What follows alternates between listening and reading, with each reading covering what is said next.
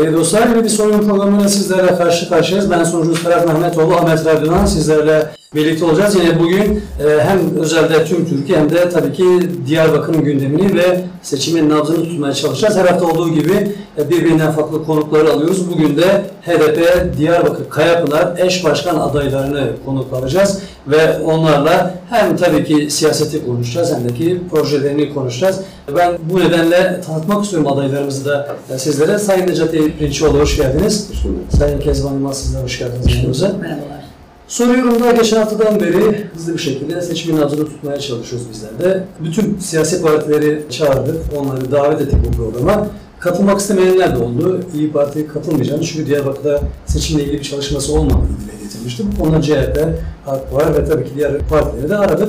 İsteriz ki onlar da konuk olsunlar, halk onların da sesini duysun. Ben öncelikle sizden başlamak isterim. Çünkü HDP bu bölgede, özellikle Diyarbakır'da salt bir çoğunluğa hükmediyor ve uzun yıllar yani yaklaşık bir 17 yıl gibi bir süreçte HDP aslında Diyarbakır ve bölgeyi kaptırmadı diğer partilere. E, kayyumları hesaba katmazsak sizler son süreçte özellikle Diyarbakır ve tabii ki tüm bölgede nasıl buluyorsunuz seçim atmosferini? Yani size göre şu anda sokakta bir atmosfer var mı? Öncelikle bütün hem Diyarbakır'dan hem de Kürdistan genel diğer illerinden Türkiye'nin çünkü diğer e, şeyler üzerinde de yayın yapıyorsunuz. Herkese iyi yayınlar diliyorum. Diğer rahatsızlığından dolayı da kusura bakmayın sesimde şey biraz daha e, kötü. Konuklardan özür diliyorum sesimden kaynaklı. Seçim atmosferinden kaynaklı biraz bitkiyiz. evet. Evet. Ya tabii hani 99 e, sürecinden sonra 99'da yerel yönetimler ilk sefer Kürt siyasal hareketi yerel yönetimlerde bir belediyeler aldı ve sonrasında dönem iyi belediye hizmetleri sürdürerek bunu arttırdı. İşte 2000, 2004'te, 2009'da, 2014'te çok ciddi belediyelere e, sayılara ulaştı. Neredeyse bölgedeki bütün il ve ilçelerde HDP ve DBP geleneğinden gelen partiler çalışma yürüttü ve bu da yaptığı çalışmaların halkın halkla beraber, halkın içerisinde e, yaptığı çalışmalarla beraber kendini kanıtlamış oldu. Tabii kayyumların gelişi ise o, o çalışmaları, o hizmetleri sekte, sekteye uğrattı ve kayyumların yaptığı pratiklerde zaten hani e, halkça ve sizce de malum olan çalışmalar yapıldı. AKP'li belediyelerin de aşan, AKP'li belediyelerin sürekli yolsuzluklarla gündeme gelen, sürekli yani kendilerinin iç, iç, işten söylediği, işte oraya peşkeş çekti, buraya şu vakfa peşkeş çekti, şu cemaate peşkeş çekti, yakadan giden ve sonradan görevden almak zorunda kalan bir şeyde şu anda da Diyarbakır Kayapınar ve özelde hani bizim açımızdan söyleyeyim. Ve özelde şu anda aynı politikayı Kayapınar'da da uyguluyor ve bütün şeylerini de Sokağa çıktığınızda vatandaş nasıl karşılıyor? Yani o coşku, o enerji, biz çok göremiyoruz sokakta o enerjiyi. Ne sadece HDP açısından değil, bütün siyasi partiler açısından veya bağımsız adaylar açısından göremiyoruz. Siz nasıl görüyorsunuz sokağı? Kezban Hanım, buyurun. Açıkçası hani Türkiye resmen e, şey sürekli böyle seçim yapan bir ülke haline e, büründü. Hani iktidar her seçim sürecinde se- seçim sonuçlarını beğenmediğinde veya seçim sonuçları kendi istediği gibi gitmediğinde sürekli böyle fa- farklı bir gerekçeyle ya farklı siyasi e, bahanelerle sürekli seçim yapma yöntemlerini uyguluyor. Açıkçası hani son süreç içerisinde neredeyse kaç altıncı bir seçim sürecini yaşıyoruz. Yani böyle artık sadece burada değil, Türkiye'nin genelinde böyle bir bıkkınlık hali, böyle artık bir e, açıkçası odaklanmama hali söz konusu olmuş. Ama şunu söyleyelim, her yerde yine HDP dediğimizde biz HDP'den geliyoruz, biz HDP'nin adayları izlediğimizde biz coşkumuzu 3 yıl önce neyse biz bugün de yine aynı coşkuyla karşılaşıyoruz, yine aynı coşkuyu görüyoruz. Aynı sıcaklığı o yüreklerde biz hissedebiliyoruz ama şunu da fark ediyoruz. Gerçekten şu son özellikle iki buçuk yıllık süreç içerisinde özellikle belediyelere kayyumların atanmasıyla birlikte in- insanların ekmeğinden edilmesinden sonra insanlar üzerinden çok ciddi bir baskının olduğunu, insanların bir ekmek kavgasına girdiğini ve ekmek kaygısına girdiğini görüyoruz. Ama bu her ne kadar iktidar bunu bunu hedefleyip bunu bu şekilde yapmış olsa dahi biz o insanların içine girdiğimizde biz o insanların yüreğine dokunduğumuzda o insanların hala yüreklerinin bizimle olduğunu hala aslında esasında bizimle olmak istediklerini çok açık bir şekilde görüyoruz. Dün sosyal ortamda bir video gördüm. Yanılmıyorsam HDP tarafından yani daha doğrusu e, seçmenleriniz tarafından paylaşılmıştı. Yaşlı bir teyzeydi, muhtemelen 80 yaşlarında HDP anons aracının peşinden koşuyordu ve çok e, coşkuyla koşuyordu. İşin açıkçası o tür görüntüleri e, gördüğümüzde halen vatandaşların seçimlere veya oy vermek istediği partiye halen sahip çıktığı gözüküyor. Yani Şu- şu- şöyle bir şey ek, ekleyeyim. Yani evet sokağa çok yansımıyor ama içteki o coşku, o, o aslında o, o kin, yani o zorla belediyelerin elinden alınması, e, siyasi milletvekillerinin cezaevine atılması, baskı, her seçim büromuzda işte e, binlerce polis polisiyle sarması bu gitgide aslında hatta bir e, şey de e, uyandırıyor. Tamam evet bir, bir korku imparatorluğu e, 15 Temmuz'dan sonra ülkenin tamamında bir korku imparatorluğu sardı ama biri bir dokunduğun zaman evvela çünkü biz şey yapmıyoruz yani hani AKP gibi şeyleri toplayıp bir çalışma yürütmüyoruz. Bir bir her eve giriyoruz. Ama hemen hemen hemen her eve gidiyoruz. Her girdiğiniz zaman o sıcaklığı, o coşkuyu görebiliyorsun. İşte e, geçen Silopi'deki o çocuğun 7 yaşındaki çocuğun ayakkabı kutusuyla arkasından koşması, 80 yaşındaki ninenin arkasından koşması, 7'den 70'e herkesin aslında bir coşku var ama bazıları içinde yaşıyor, bazıları da işte o ne gibi arkasından koşabiliyor. Ben bir aynı şekilde bir örnek vereyim. Dün biz esnaf ziyaretine çıkmıştık. Ee, Esnaflarımızı dolaşıyorduk Soğantar Caddesi'nde. Bir, bir binadan namaz kılan, yani belli kollukları, namaz kollukları e, kolunda bir anne balkona çıkmış o haliyle, yani belli namazın üstünden müziği duyunca, sesi duyunca, sloganları duyunca balkona koşmuş o kolluklu haliyle zafer işaretleri yaparak bizim coşkumuza ortak oldu ve bizim coşkumuzu gerçekten yürekten daha da arttırdı. Yani buna benzer gerçekten çok güzel tablolarla, çok güzel karelerle karşılaşıyoruz ve bu bize aslında güç veriyor. Geçen hafta e, Sayın Selçuk Muzaffer konuğumuzdu. Kendisine de sordum nasıl buluyorsunuz sokağın nabzını falan diye. E, insanlar bize boşuna gezmeyin. Biz zaten oyumuzu size vereceğiz. Aynen. ben tabii yine nacizane e, sosyal ortamda veya medyada gördüğüm kadarıyla yani her evin gezilmesi gerekiyor. Kendi kitleniz olsa bile veya muhalif kitle olsa bile. Çünkü seçmenin veya siya- siyasetin amacı bu olması gerekiyor diye düşünüyorum. Peki siz yeterli miktarda gezdiğinizi düşünüyor musunuz? Mesela her insana, muhalif olan her insana indiğinizi düşünüyor musunuz? Veya sizi eleştirenlere de inan, indiğinizi düşünüyor musunuz? Biz mümkün mertebe her kesime inmeye çalışıyoruz. Herkese elimizi uzatıyoruz, herkese kapımızı açık tutuyoruz. Ama şöyle bir süreçten de geçiyoruz, gerçekten zorlu bir süreçten geçiyoruz. Yani seçim çalışmalarının yanında ekstradan farklı siyasi bazı durumlar da yaşanıyor. Bundan kaynaklı olarak evet hani çok yoğunlaşamadık, çok belki gidemedik.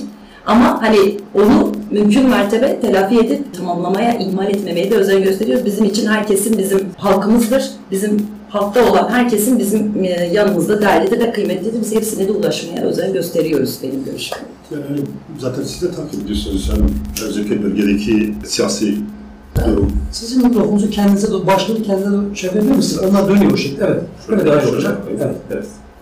Evet, bir sürü cezaevinde açlık grevleri var. Leyla Güven'in başlatmış olduğu açlık grevi var. Bu bölgede biraz bu seçim çalışmalarını aslında biraz sekteye uğratıyor. Ee, Ondan kaynaklı belki her kesime ulaşma şansımız olmadı. Ama e, el- elimizden geldiğince her her kapıyı çalmaya çalışıyoruz. Her görüş bizim için değerlidir. Bize katkı sunuyor. Yani bizi eleştiren, bizi eleştiren e, şey için değil. Yani daha iyi yapmamız içindir.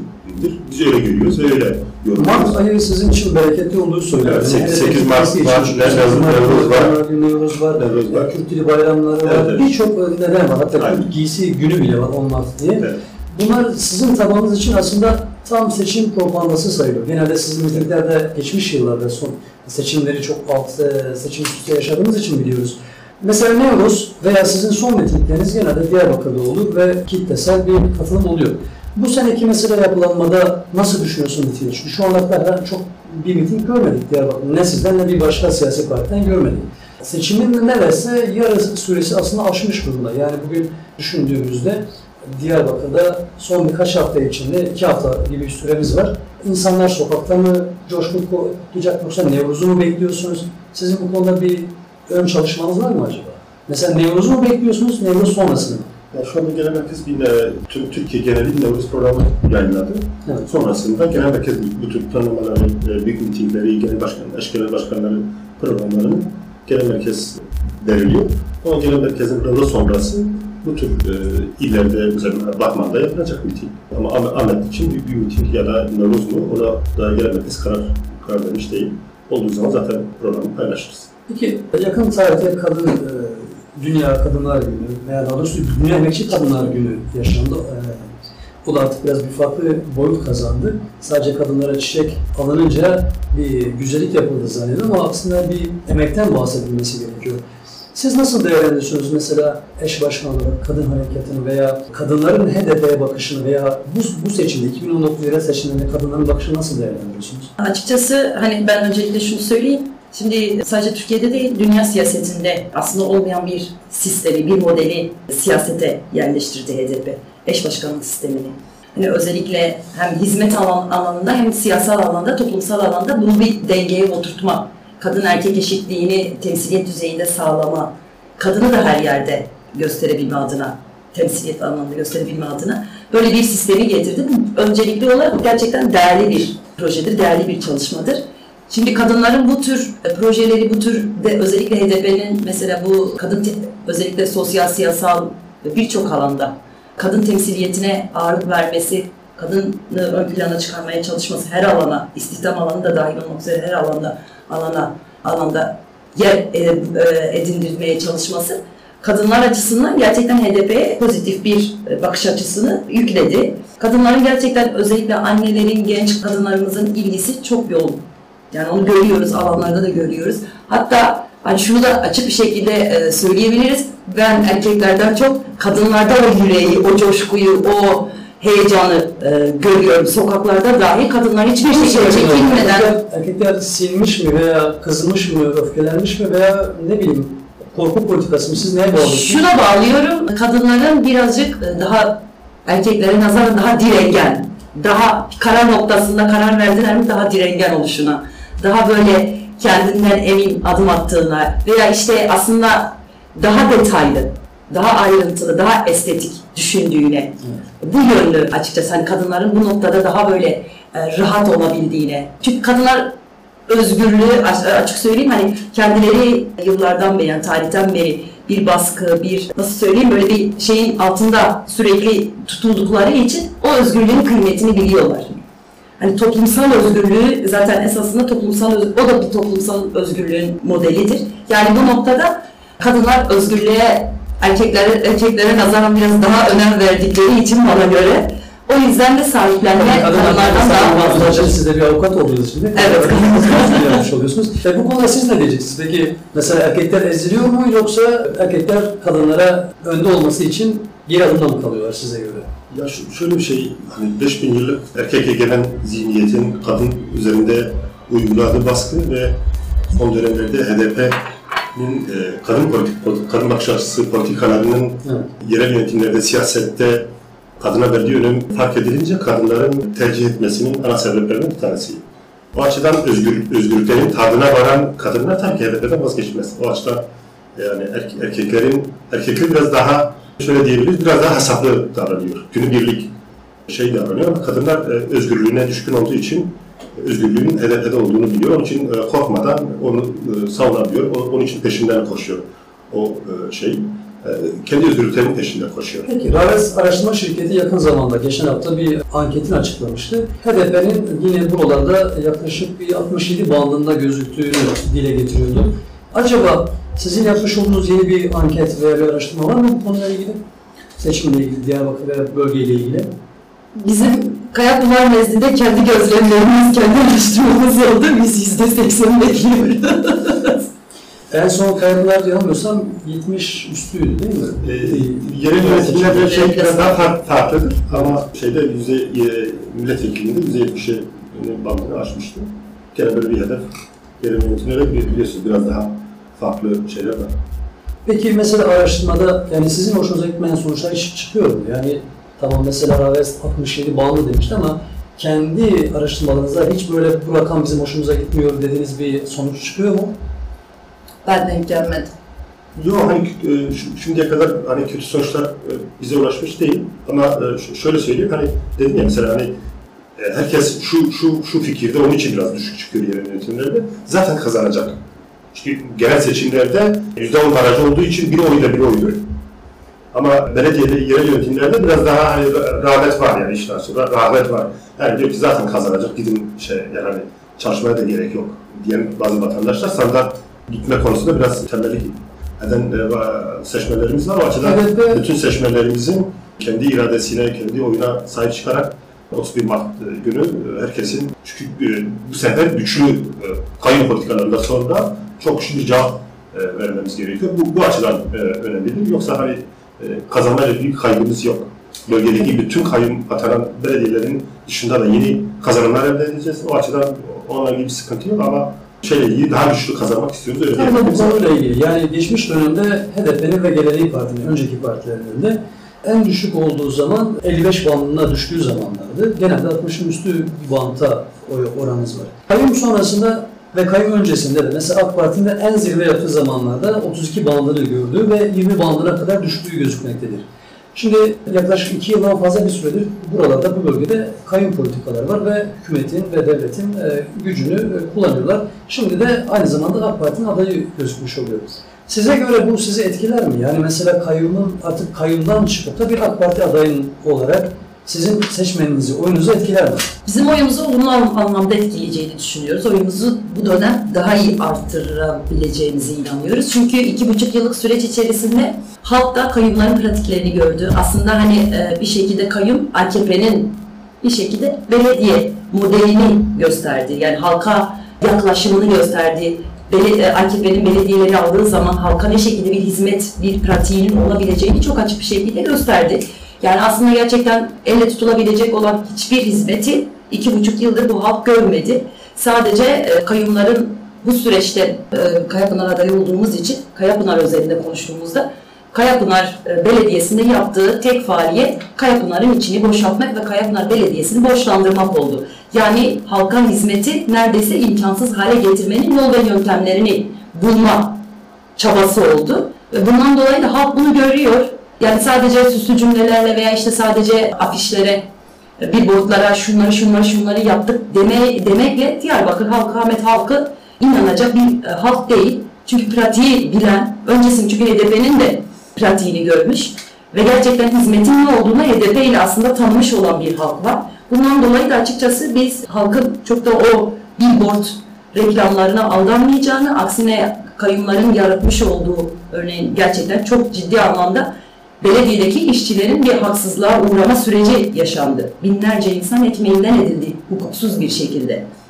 Bundan dolayı da yani hani ciddi bir tepkimiz olabileceğini, ol, ol- olacağını da düşünüyoruz. Peki Kayapınar özelde, Kayapınar Belediyesi'ne yanılmıyorsam iki veya üç defa kayyum değişikliği veya kayyum atamaları bir Kayyuma kayyum açıkçası. Siz bunu nasıl değerlendiriyorsunuz? Yani hükümet neden ilk atadığı kayyuma sonra değişiklik yapmak zorunda kaldı? Ya şöyle, biz hani geçenlerde bir kamuoyuyla bir bize gelen duyumlar vardı, bizim gözlemlediklerimiz vardı ve kamuoyuyla da paylaştık. Çok ciddi olumlu e, dönüşler de aldık. Evet. Bunlar hepsi o birinci kayyum döneminde olan olan şeyler ve sonrasında hani bazı özel sohbetlerde de hani ya hani tamam parayı götürmüşler de ama hani be- belge yok. Yani müfettişler bile o bel- belgeleri bulamıyor. Yani nasıl harcadıklarına dair bir hiçbir belge yok. Ve bundan kaynaklı hemen hızlı bir şekilde aldı. Hem o Yenişehir Belediyesi'nin kayyumları biliyorsunuz e, özel bazı sivil toplum örgütleriyle görüştükten sonra aslında iş ve işlemleri nasıl yürüttüğünü iş adamlarının verdiği bilgiler doğrultusunda kayyuma kayyum e, atadılar ve ama son son dönemde ise artık kaybedeceğini anladı, anladığından itibaren de bu sefer mevcut gayrimenkul işte borçlanma e, şeylerle beraber e, tamamen içini boşalttılar. E, neredeyse hayatlara ait hiçbir taşınmaz ya da hiçbir faaliyet yürütü alanlara dair hiçbir e, mekan neredeyse kalmadı. Geri kalan kıs- kısmını da işte dediğim gibi kendi yandaş e, derneklerine ve şeylerine e, kiralama yoluyla, kiralayabildiklerini kiralaya, satabildiklerini sa- satma yoluyla şu anda girişimlerin hala devam ettiğiyle ilgili bize bilgiler var. Bu işin açıkçası ya şu anlamda bizi hem kaygılandırıyor ama şu, şu, şu var biz 99'da da geldiğiniz zaman belediyeler bunun gibi bir şeydi yani. Yani kurum, kurumsal, kurumsal hiçbir yapısı olmayan. Çünkü Refah Partisi geleneğinden geliyor AKP, AKP e, yerel yönetimler şeyi. Biz geldiğimiz zaman 99'da Büyükşehir'de, Kayapınar'da, Bağlar'da, Sur'da. Yani hiç hiçbir arşiv şeyi yok, hiçbir kamu kurumuna benzemeyen. Dün Saadet Partisi e, baş, belediye başkan adayı da Büyükşehir içinde Bizi Boza konuğumuzdu kendisi de. E, Aynı sistemleri ediyordu. Yani aslında kayyumların çok iyi çalışmadığı ve halkın e, onlara sistemkar olduğunu dile Ya şöyle, şöyle bir şey söyleyeyim de hani mesela kayyumların çalışmasından öte mesela kayıp politikasını e, biz doğru kıyas, kıyaslama bile hani şu faaliyeti iyiydi, bu faaliyeti kötüydü kıyaslamak bile istemiyor. Çünkü bir, bir gasptır. Yani mesela seçimde gelmiş ya da hukuki bir şekilde gelmiş bir şey yönetiyor değil.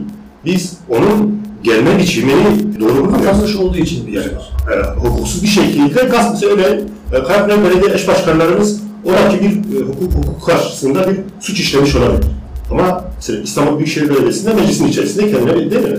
Bir, bir belediye başkanı meclis kendisi seçer. Halkın iradesi meclisin kendisidir. Peki tam Şimdi me- me- meclis üyelerinin hangisi ne, ne suç işlemişti? Niye niye o e, kendi hukukunu işletmiyor, devlet kendi hukukunu işletmedi de getiriyor? Çünkü kazanımları yani 15 yıllık kazanımların tamamını gasp ettiği kendi kurumlarına devretmek için yaptı. Bahsettiğim şey o. Örneğin Kürtçe kreşler artık kendi ana dilinde eğitim veren kurumları vardı belediyelerin, her belediyenin hemen.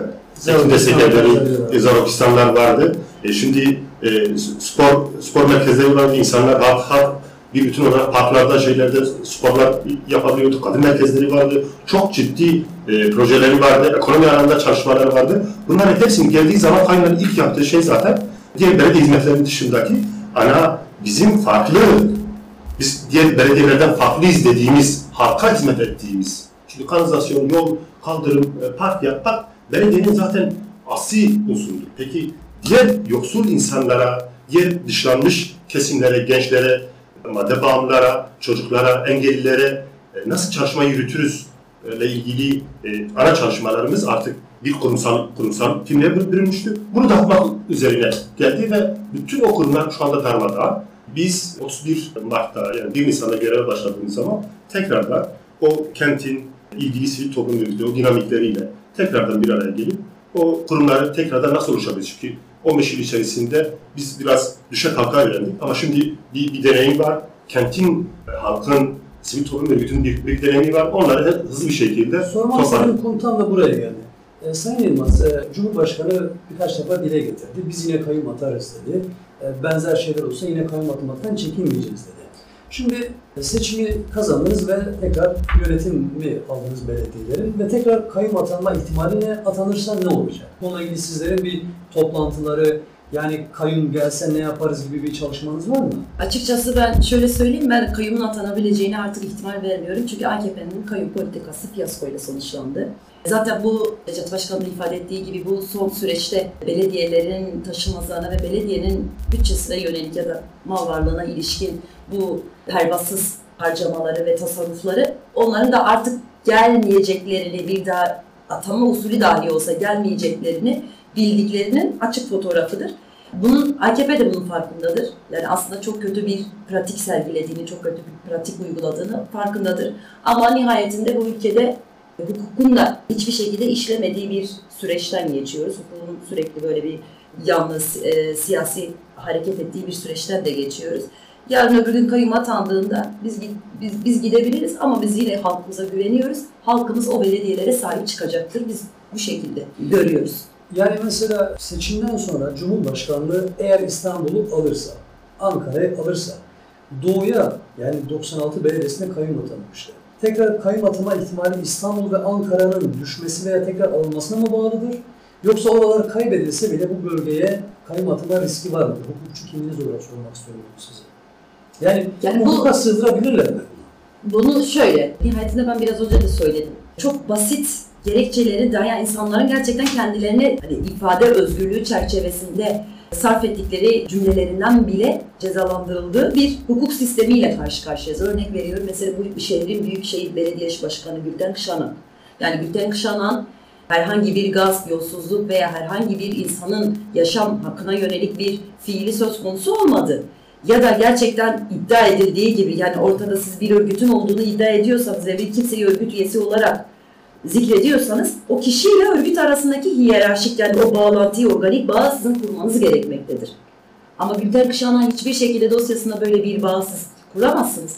Gülten Kışanan yargılandığı ve cezalandırıl, cezalandırılmasına gerekçe gösterilen delillerin tamamı Gülten Kışanan bugün bizim meydanlarda yapmış olduğumuz konuşmalar gibi konuşmalardır. Gülten Kışanan kendini ifade özgürlüğü çerçevesinde belirttiğimiz gibi savunduğu bazı değerler, savunduğu bazı ilkeler, savunduğu bazı konulardır. Yani Şimdi böyle bir sistemle karşı karşıya olduğumuz için açık söyleyeyim. Eğer AKP birazcık hani e, hukuktan bağımsız bir şekilde şöyle bir değerlendirme yapabilir. Yani İstanbul Ankara'yı kaybettiğinde Diyarbakır'a Ahmet'e yönelmeyecektir. Çünkü kaybetmiş olacaktır. Türkiye genelinde kaybetmiş olacaktır. O biraz artık Türkiye'nin geneline yönelecektir. Ben öyle düşünüyorum. Biraz. sorunu demelerinin sebebi bu olabilir mi? Mesela BK sorunu gibi görüyorlar şu anda. Bir de yine size sormak istedim. Yani hem yine kadın kimliğiniz hem küçük kimliğinizden dolayı. Ee, dün yine e, Sayın Cumhurbaşkanı açılışlarda veya konuşmalarda Meral Akşener'e ciddi ithamlarda bulunuyor. Siz vekil bile değilsiniz. Yakında sizin de ipinizi çekeceğim gibi cümleler falan sarf edildi. Bir partinin e, genel başkanına ve vekil olmadığı için çok kolay şey, içeri atılabilirim gibi ifadeler kullanıldı. Siz bunu nasıl değerlendiriyorsunuz? Yani Meral Akşener rakip gördüğü için mi bunu yapıyor? Yoksa benim hükmüm, benim gücüm zaten Cumhurbaşkanı olduğum için her şeye yetiyor dediği için midir? Türkiye'nin halkları üzerinde şunu şu mesajı bana göre veriyor. Saltanat benim. Hani burada en üst benim, ben, benim talimatlarım, benim emrim uygulanır. Ki nihayetinde zaten çoğu kez bunu e, fotoğrafında görüyoruz bu ülkede. E, bir de iktidarın şöyle bir durumu var. Bir kadın olarak bunu ifade etmek isterim. Yani gündemin başka bir alana gerçekten hani işte yoksulluk veya işte yolsuzluk veya iktidarın kendi içerisinde olan bir hesaplaşma ya da bir sıkıntı basına yansıdı mı, gündem konusu oldu mu o gündemi hemen bertaraf etmek adına ya işte tanınan diyelim işte siyaset e, siyasetçi e, kimliğe sahip olan kadınlar veya farklı e, kesimlerin kadınlarına veya işte Kürt halkının bir dönem mesela Kürt halkının kadınlarına yönelik çok ciddi saldırılar, hakaretler, açıkçası hani böyle küfre varacak söylemler söyleniyordu. Yani iktidarın bugün uygulamış olduğu politikalardan bir tanesi de odur. Şu an sosyal medyada veya işte basında sürekli görüyoruz. Sıkıştığı anlarda kadına yönelik bir saldırı söz konusu. Saldırıyı gerçekleştiriyor. Kadına yönelik saldırıyla diğer gündemi aslında ülkenin en önemli olan gündemlerini bertaraf etmeye çalışıyor. Böyle bir yöntemde uyguluyor. Ben kendi gözlemim açısından söylüyorum. Ben her konu Kullanıyor yani kadının bedenini, kimliğini, kültürünü, yaşam tarzını kendi siyasetine de açık bir şekilde malzeme ediyor. Ben her konuma soruyorum. Eğer siyasi parti temsilcisiyse veya adayıysa veya bağımsızsa da yine de soruyorum. Siz kendi partinizi eleştiriyor musunuz? Mesela şurada yanlış yaptık, şurada şunu yapmamamız gerekiyordu veya şurada eksik kalıyoruz dediğiniz konular neler? Mesela vatandaş olarak sorarsam sizlere. Yani şöyle diyebilirim, biz 15 yıllık belediye deneyiminde şöyle bir şey söyleyebilirim. Yani dedim yani biz diğer partilerden, diğer yerel yönetimler deneyiminden farklıdır diyorsak bizim ekonomi politikalarımızı daha güçlü kılmamız gerekiyordu. Biraz geç, gecikildi. Kültürel faaliyetler, dil, dil konusunda daha fazla projeler geliştirebilirdik. E, Bugün e, hani söyleyebiliriz, bu kayyum sonrası aslında ne kadar o halka inen projelerin ne kadar önemli olduğunu, kooperatifleşmenin, halkla beraber üretimin ne kadar önemli olduğunu, mahalle meclislerinin mahalleyi yani toplumu örgütleme, örgütlemenin ne kadar önemli olduğunu e, bir kez daha gördük. Bu açıdan yerel yönetimler e, deneyimi açısından e, baktığımız zaman kadın, çocuk, engelli, yani sosyal politikalar açısından daha daha güçlü politikalar geliştirebildik. O, o açıdan e, söyleyebilirim çünkü gördük bunu. Hani şu anda da görüyoruz her gittiğimiz yerde insanlar diyor ki ya kooperatifimiz olsaydı şu anda işte bu sistemin kendi ekonomi, yani kendisi e, ekonomik sistemini kurabilirdi. Kendisi e, mahalle meclisinin kendisini yürütebilirdi ve kendi konularına o, o şeylere sahip çıkabilirdi. O açıdan belki en, en büyük şey olarak e, tartıştığımız e, şey bu. Kezban Hanım siz var mı? Sizin alanınızla ilgili?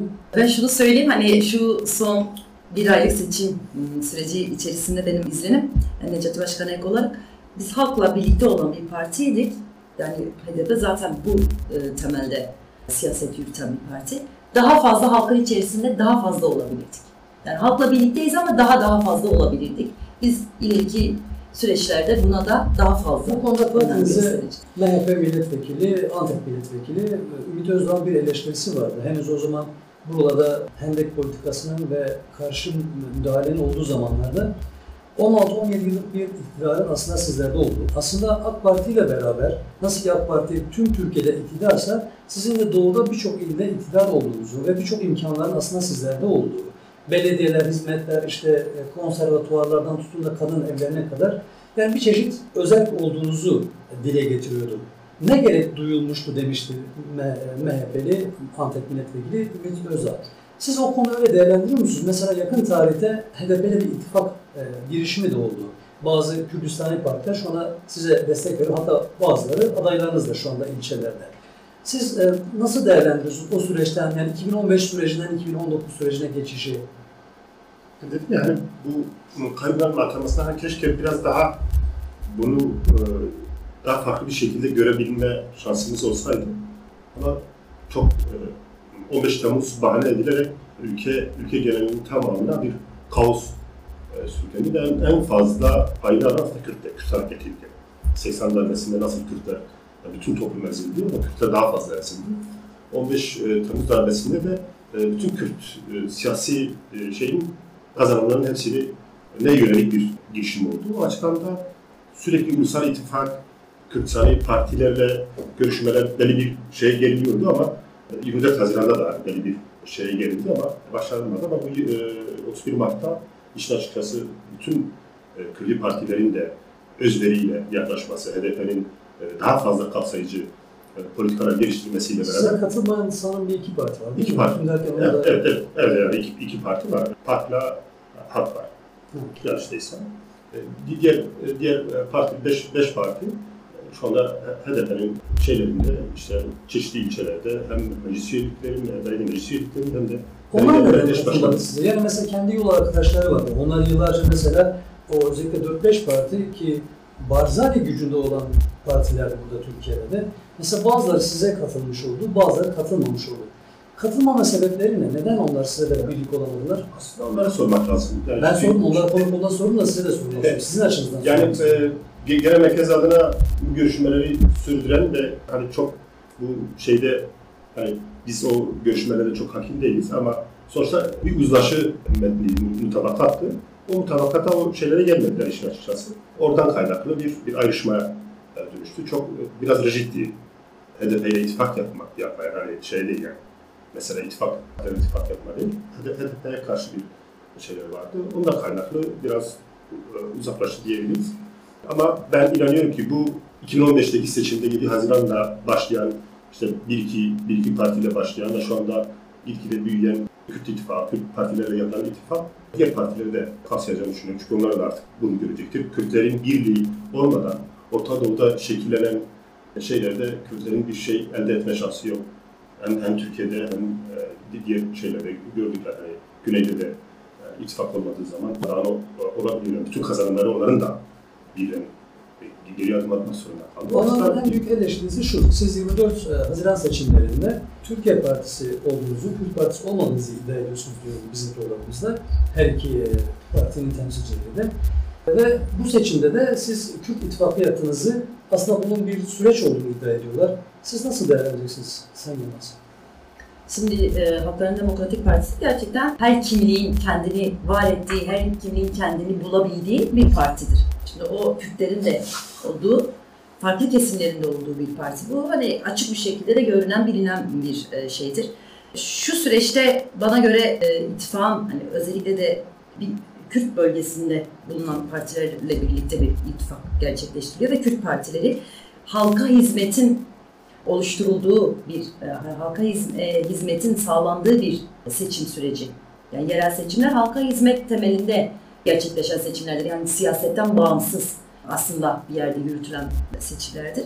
Bundan dolayı aslında Kürt İttifakı'nın özellikle kendi halkına yönelik hizmet noktasında iyileşmesinde bu halka daha anlamlı ve değerli olacaktır. Değerli bir e, şekil olacaktır. Ha bundan kaynaklı olarak böyle açıkçası o eleştiri çok da böyle hani doğru ya da mantıklı bir eleştiri olarak Tabii kendi eleştiri. Yani onların olabileceği Yani- sizin de olabilir.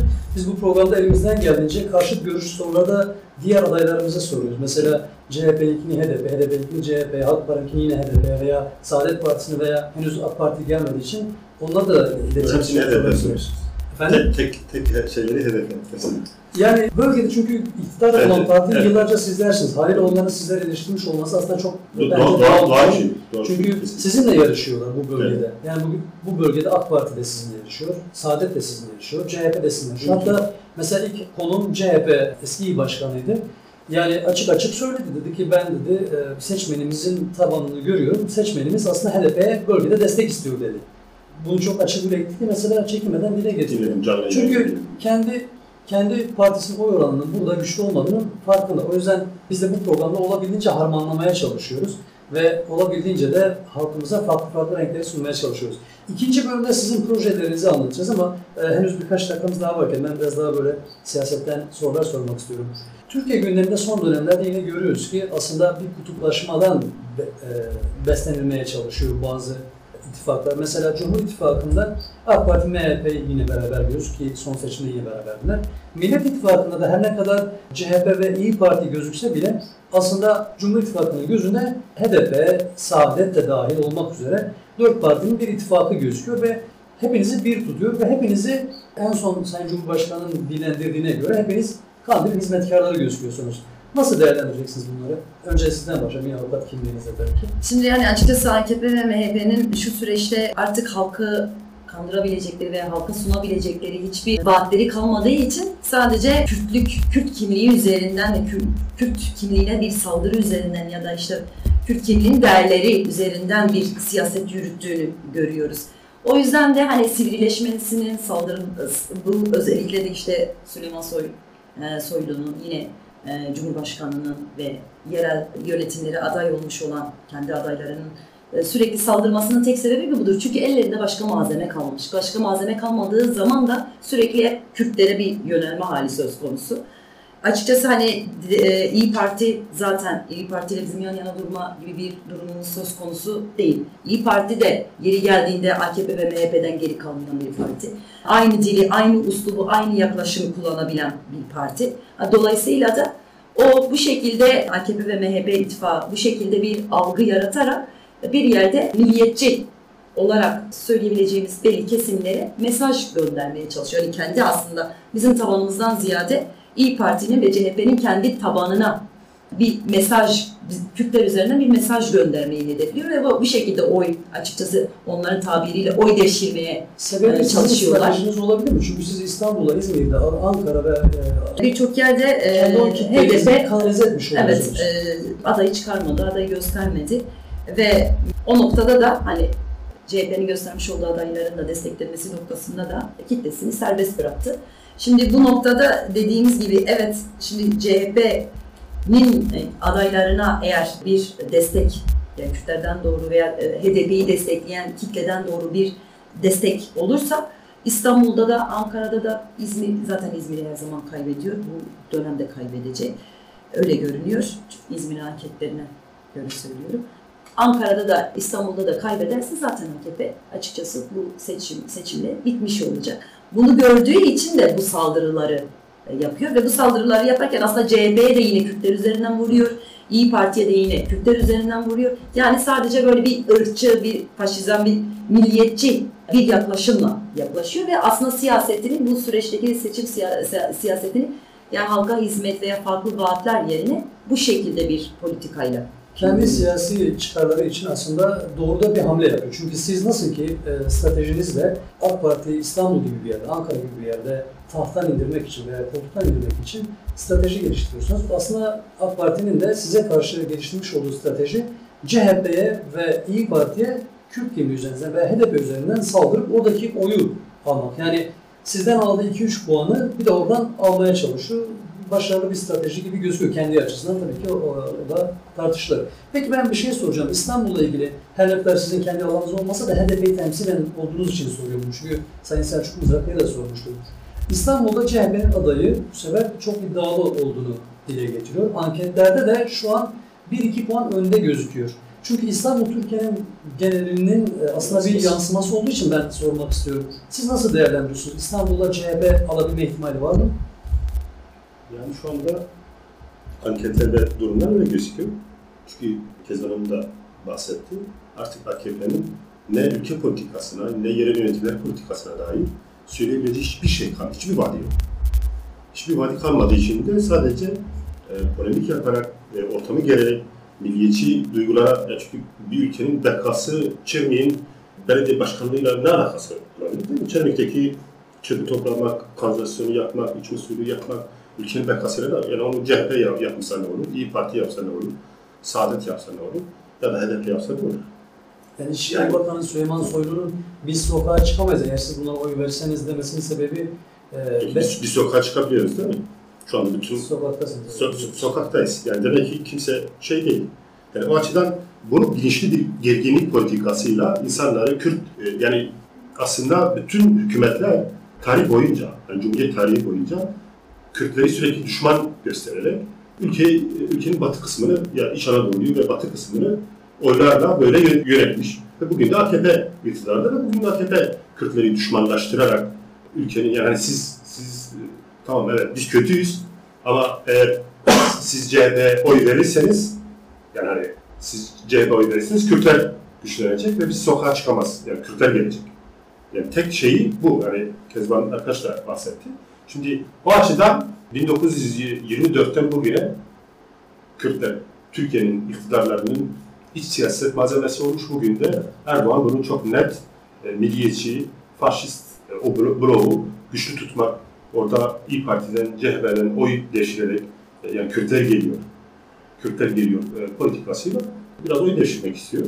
Bu- Burada da hani tarih boyunca sürekli e, siyasi partiler e, başardığı için ama Türkiye kamuoyu artık hani bu bunları görebilecek durumda. Şunu Artık hiçbir, hiçbir vaadi yok yani hani Yani her seçimde e, Kürt seçmeninin e, ister HDP olsun, ister önceki partilerinden olsun. Sürekli oy oranının arttığı için, işte en son 13 bandına ulaştığı için. Mesela Iğdır politikasından tutun İstanbul'a kadar bundan dolayı mıdır diyorsunuz? Yani mesela İyi Parti'den Meral Akşener Iğdır'da şu an e, aslında muhalefet yaptığı bir partiye sizin üzerinizden sırf siz orada iktidar olmayın diye evet, yardım etmesi.